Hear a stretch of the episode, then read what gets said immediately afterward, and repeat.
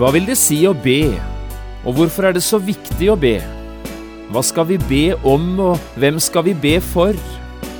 Hvordan skal vi be, og hvorfor får vi ikke alltid det vi ber om? Det er så mye vi har å spørre om når det gjelder bønn. Likevel, la oss aldri glemme, bønn er ikke et problem, men en mulighet. Bønn er ikke et krav, men et privilegium.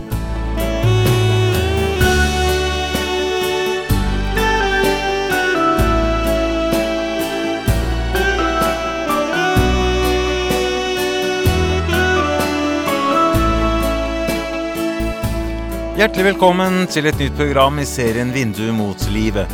Programmet er produsert av Kristen Riksradio og blir ledet av Jon Hardang. Kristen Riksradio drives av frivillige gaver. Vi er glade for din støtte.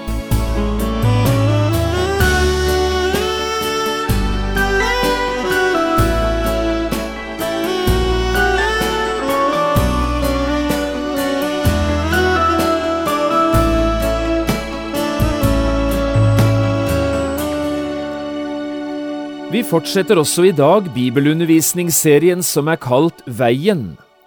Dette var et av de første navnene som ble brukt om de kristne. De hørte veien til. Med dette som utgangspunkt prøver vi å ta fram en del viktige ting ved det å leve som kristen i dag. Jeg har også skrevet en bok med samme tittel, Veien, som du kan få kjøpt i bokhandelen eller ved å henvende deg til Kristen Riksradio vi skal i dag lese et avsnitt fra Paulus' første brev til Timotius, i kapittel to. Der leser vi vers én til fire. Jeg har kalt dagens program Bønnens vei, og Paulus skriver, Framfor alle ting formaner jeg derfor til at det blir gjort bønner, påkallelser, forbønner og takk for alle mennesker, for konger, og for alle som er i høy stilling, så vi kan leve et stille og rolig liv i all gudsfrykt og ærbarhet. Dette er godt og til behag for Gud, vår Frelser, Han som vil at alle mennesker skal bli frelst og komme til sannhetserkjennelse.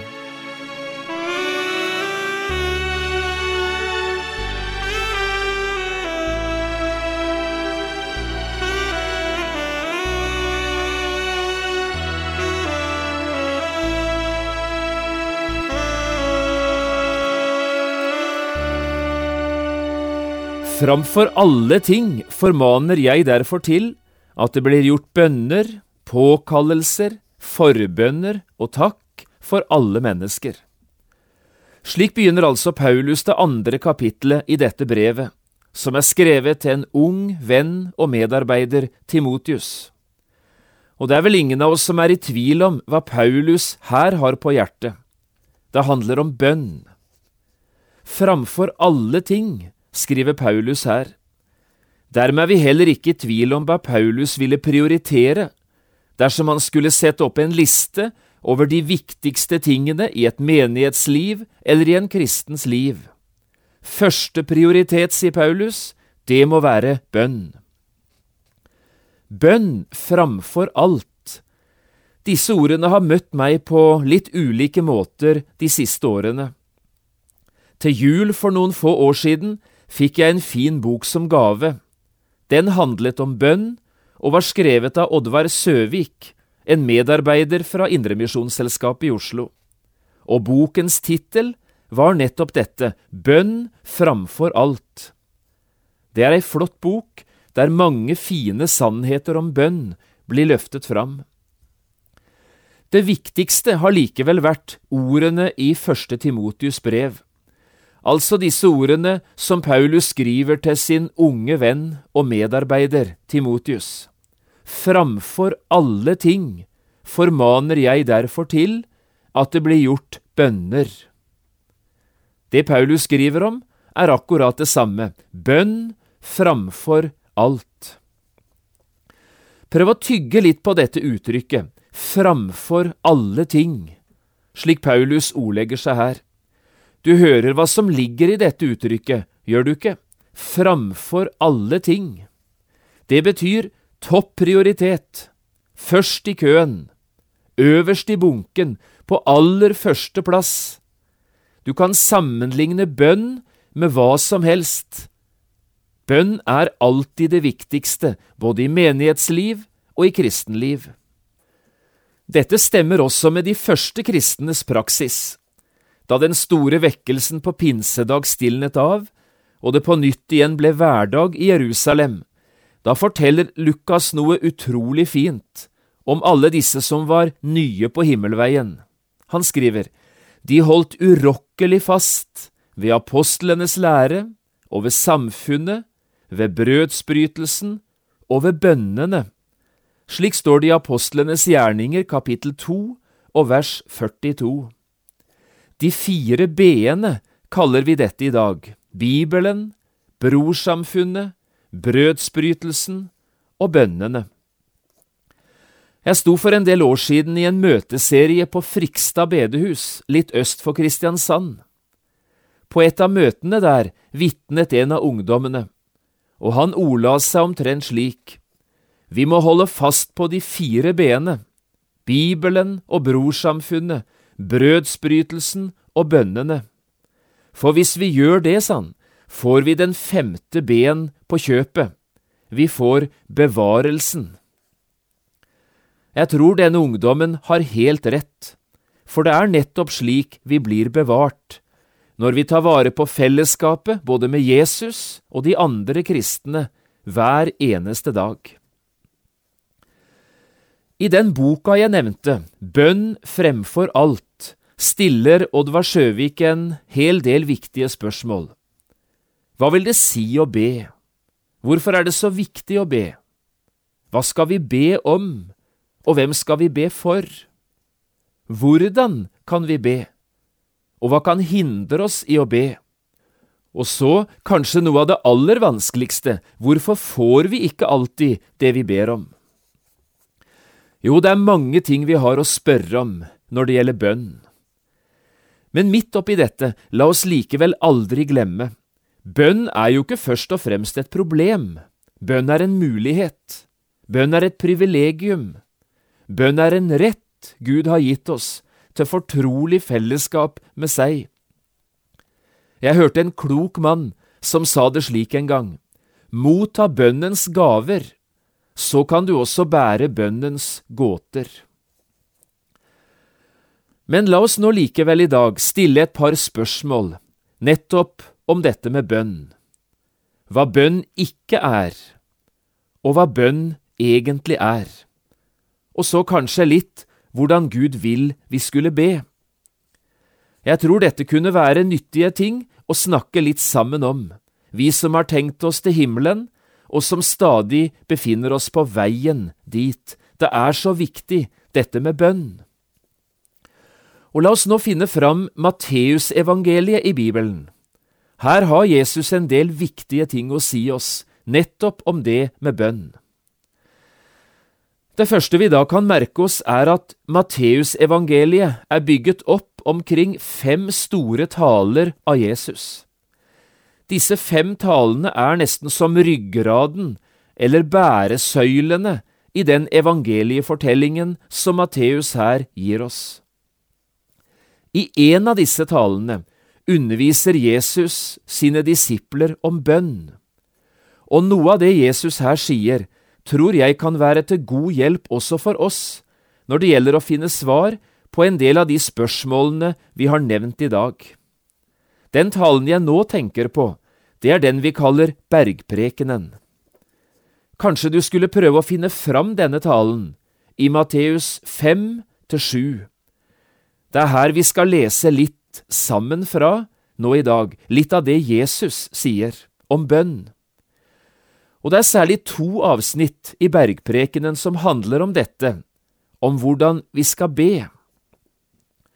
Det første avsnittet det er et avsnitt der Jesus lærer sine disipler litt om hva bønn ikke er.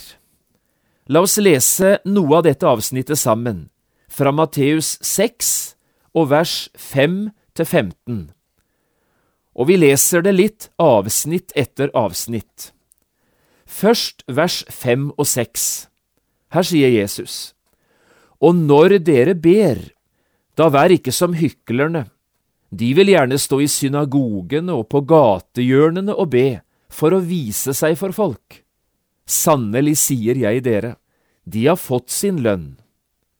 Men du, når du ber, da gå inn i ditt lønnkammer og lukk din dør, og be til din far som er i lønndom, og din far som ser i det skjulte, skal lønne deg i det åpenbare. Hva er det Jesus her sier? Ja, det skulle det ikke være så vanskelig å høre. Jesus sier bønn er ikke noe du skal bruke for å imponere andre mennesker med. Hyklere snakker Jesus om her. Det ordet Jesus her bruker, det er det vanlige ordet for å være skuespiller. Og skuespiller, det er jo en som spiller en rolle, eller prøver å gjøre seg til for folk. En skuespiller er et menneske som prøver å gi seg ut for å være en annen enn den han i virkeligheten selv er. På Jesu tid fantes det altså mennesker som oppførte seg slik når de skulle be. De stilte seg opp på synlige steder for å be. Begrunnelsen deres var at de på denne måten ville påvirke andre, så også de skulle få lyst til å be. Men resultatet ble ofte falskhet og hykleri. Bønn skal ikke brukes på denne måten, sier Jesus. Jeg tror faktisk det finnes en del skuespillere på bønnealteret også i dag. I stedet begynner Jesus å snakke om lønnkammeret, dette skjulte rommet der Gud selv vil møte den som ber. Det finnes et sted, sier Jesus, bak stengte dører der et Guds barn kan få snakke fortrolig med sin far i himmelen. Og Gud er i det skjulte, og han ser i det skjulte. Her vil han møte sine barn bak disse stengte dørene, for siden å vise seg stor og synlig i deres hverdagsliv. På denne måten blir bønn fortrolig samtale mellom en god far og barnet, og det er nettopp dette som er bønn. Så fortsetter Jesus videre fra vers sju til ni. Han sier, Når dere ber, skal dere ikke ramse opp mange ord, liksom hedningene, for de tror at de blir bønnhørt når de bruker mange ord.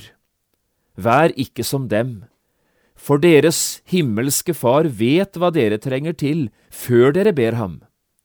Slik skal dere da be. Og så kommer i fortsettelsen Fader vår, selve mønsterbønnen som Jesus lærte både sine disipler og oss. Hva er det Jesus sier i dette avsnittet? Heller ikke det er det så vanskelig å få tak i. Jesus sier, bønn er heller ikke noe du skal bruke for å imponere Gud. Hedningene snakker Jesus om her. Hedninger det er mennesker som ikke kjenner den levende Gud. Og nettopp derfor tenker de at mulighetene for et bønnesvar øker hvis den som ber, bruker mange og sterke ord. Nei, sier Jesus her, bønn er ikke å masseprodusere en mengde ord. Bønn er vissheten om at jeg har en far i himmelen, og han vet hva jeg trenger til lenge før jeg ber han. Når jeg likevel skal be, ja, så er det fordi at det er denne måten jeg lukker min himmelske Far inn i mine mange behov på, både i gledene og i smertene og livet. Bønn er å lukke Jesus inn i sin nød. Derfor sier vi det slik, bønn er ikke et spørsmål om mange eller få ord. Din ordløse bønn kan ofte være din beste bønn for bønn er den hjelpeløses rett til under alle forhold i livet å få legge sitt liv i Herrens hånd. I dette første avsnittet i bergprekenen taler altså Jesus først og fremst om hva bønn ikke er. Men så finnes det et annet avsnitt, nemlig i kapittel sju. Her taler Jesus mer om hva bønn virkelig er. Og nå leser vi hele dette avsnittet, fra kapittel 7, vers 7–11. Hør på dette. Jesus sier, Be, så skal dere få. Let, så skal dere finne. Bank på, så skal det bli lukket opp for dere. For hver den som ber, han får. Den som leter, han finner. Og den som banker på, skal det bli lukket opp for. Eller er det vel ett menneske blant dere som vil gi sin sønn en stein når han ber om brød? Eller gi han en orm når han ber om en fisk? Når da dere, som er onde, vet å gi deres barn gode gaver, hvor meget mer skal da deres Far i himmelen gi gode gaver til dem som ber Han? Slik sier Jesus det her, når han snakker om en rik og god Far i himmelen, som har mer enn nok å gi til alle sine fattige og hjelpeløse barn, om de bare ber han om det. Bønn åpner slusene inn til Guds mektige hav. Slik leste jeg det for en tid siden. Det sto faktisk på en bønneliste. Og denne setningen har ikke sluppet taket i meg siden. Bønn åpner slusene inn til Guds mektige hav. Åpne sluser, Guds mektige hav. For en forventning slike uttrykk kan skape også hos oss, nettopp til det å be. Gud er en stor og mektig Gud. Han er rik nok for alle som kaller på han, sier Paulus i Romerbrevet. Og i Filippe-brevet legger han til, Min Gud skal etter sin rikdom fylle all deres trang i herlighet i Kristus Jesus. Og det er denne rike Gud Jesus taler om her i dette andre bønneavsnittet i bergprekenen. La oss nå mot slutten prøve å få øye på det Jesus her viser oss. Jesus bruker tre sterke og fine uttrykk når han positivt vil beskrive for oss hva bønn går ut på. La oss nå nevne disse uttrykkene, og du må gjerne streke dem under i Bibelen din. Og så kommenterer jeg dem litt, ganske enkelt og personlig. Be, så skal dere få. Det er det første Jesus sier, be. Dette ordet betyr egentlig å bønnfalle eller å tigge. Bønn er den fattiges rett hos Gud. Bønn er tiggerens eneste mulighet. Hvordan har du som lytter nå egentlig opplevd livet ditt? Du har sikkert opplevd rike og gode dager i livet, tider med overflod, og du vet hva en kristen virkelig har å glede seg over. Derfor har du ofte jublet og vært glad. Men kanskje har du også opplevd det motsatte. Du kjente deg tørr og fattig, svak og tom, slik en sang beskriver det. Noe gikk galt, noe gikk tapt. Du hadde det så bra, men så av en eller annen grunn mistet du det hele. Og så opplevde du åndelig konkurs og åndelig ruin. Jeg vet ikke hvordan situasjonen din er akkurat i dag, men hør nå. Det er iallfall en stor og rik Gud som nå innbyr deg og sier, Be, så skal du få. Gud vet hva du trenger. Han har det du mangler. Nå står han her bare for å gi. Dine hender er kanskje tomme, men hans hender er fulle av gode gaver, naglemerkede, men likevel fulle av fred. Bønn kan forandre din livssituasjon akkurat i dag. Let, så skal dere finne. Dette er altså det andre uttrykket Jesus bruker, let. Også du har kanskje opplevd tider i livet da du ikke fant veien. Du famlet i mørket, spurte etter veien, men fant ikke fram. Du visste nok det fantes en utvei. Du visste at det kunne bli lyst igjen men fremdeles befinner du deg i mørket. Det har gått lang tid, du har leitet lenge, men den dag i dag har du ikke funnet fram. Du er ikke i fritt rom, og du opplever ikke høylys dag. Nå sier Jesus det til deg, let, så skal du finne. Det er Frelseren som sier disse ord, han som kalte seg selv Veien, eller verdens lys. Han vet godt hva det er å lete. Han er selv stadig ute på leiting etter det kjæreste han eier, dyrebare, men fortapte menneskebarn. Nå oppmuntrer han deg og sier, ennå er det håp, snart skal du finne fram. Og bønn og leite, det er løsningen. Og så det tredje uttrykket, bank på, så skal det lukkes opp for deg. Bank på. Iblant føles alt stengt. Du ser ingen løsning på problemene, ingen åpning i situasjonen, ikke noe lys i tunnelen, det er bare lukket og låst, alt sammen. Noen ganger er det som du kjenner deg helt utenfor, eller utestengt, du ville så gjerne ha vært inne i varmen sammen med de andre, men fremdeles står du utenfor, i mørket og i kulden.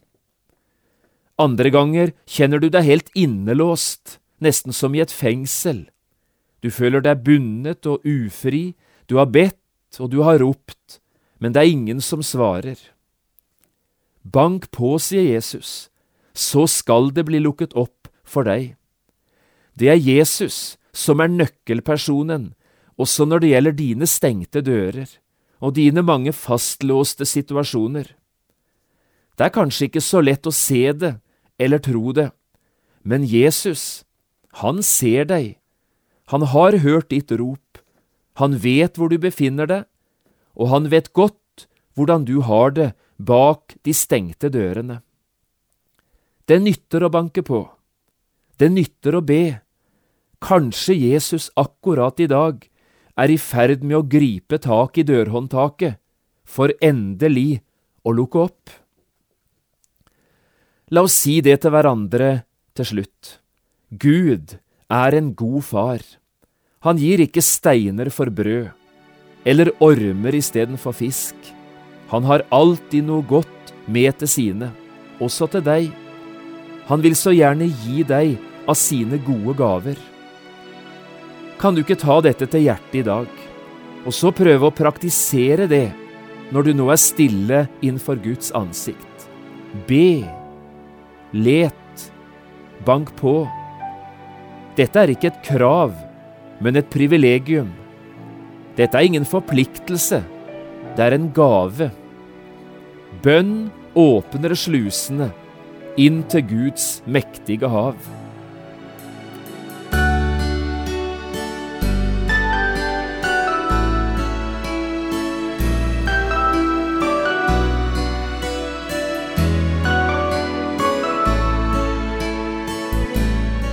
Du har lyttet til et program i serien Vindu mot livet med John Hardang. Programmene i denne serien kan også kjøpes på CD fra Kristen Riksradio, eller høres på internett på p7.no. Har du spørsmål eller kommentarer til det du nå har hørt, kan du ta kontakt med oss. Adressen er Kristen Riksradio, Skiene 2, 5353 Straume. Eller send en e-post vml alfakrøll p7.no. Takk for i dag, og på gjenhør.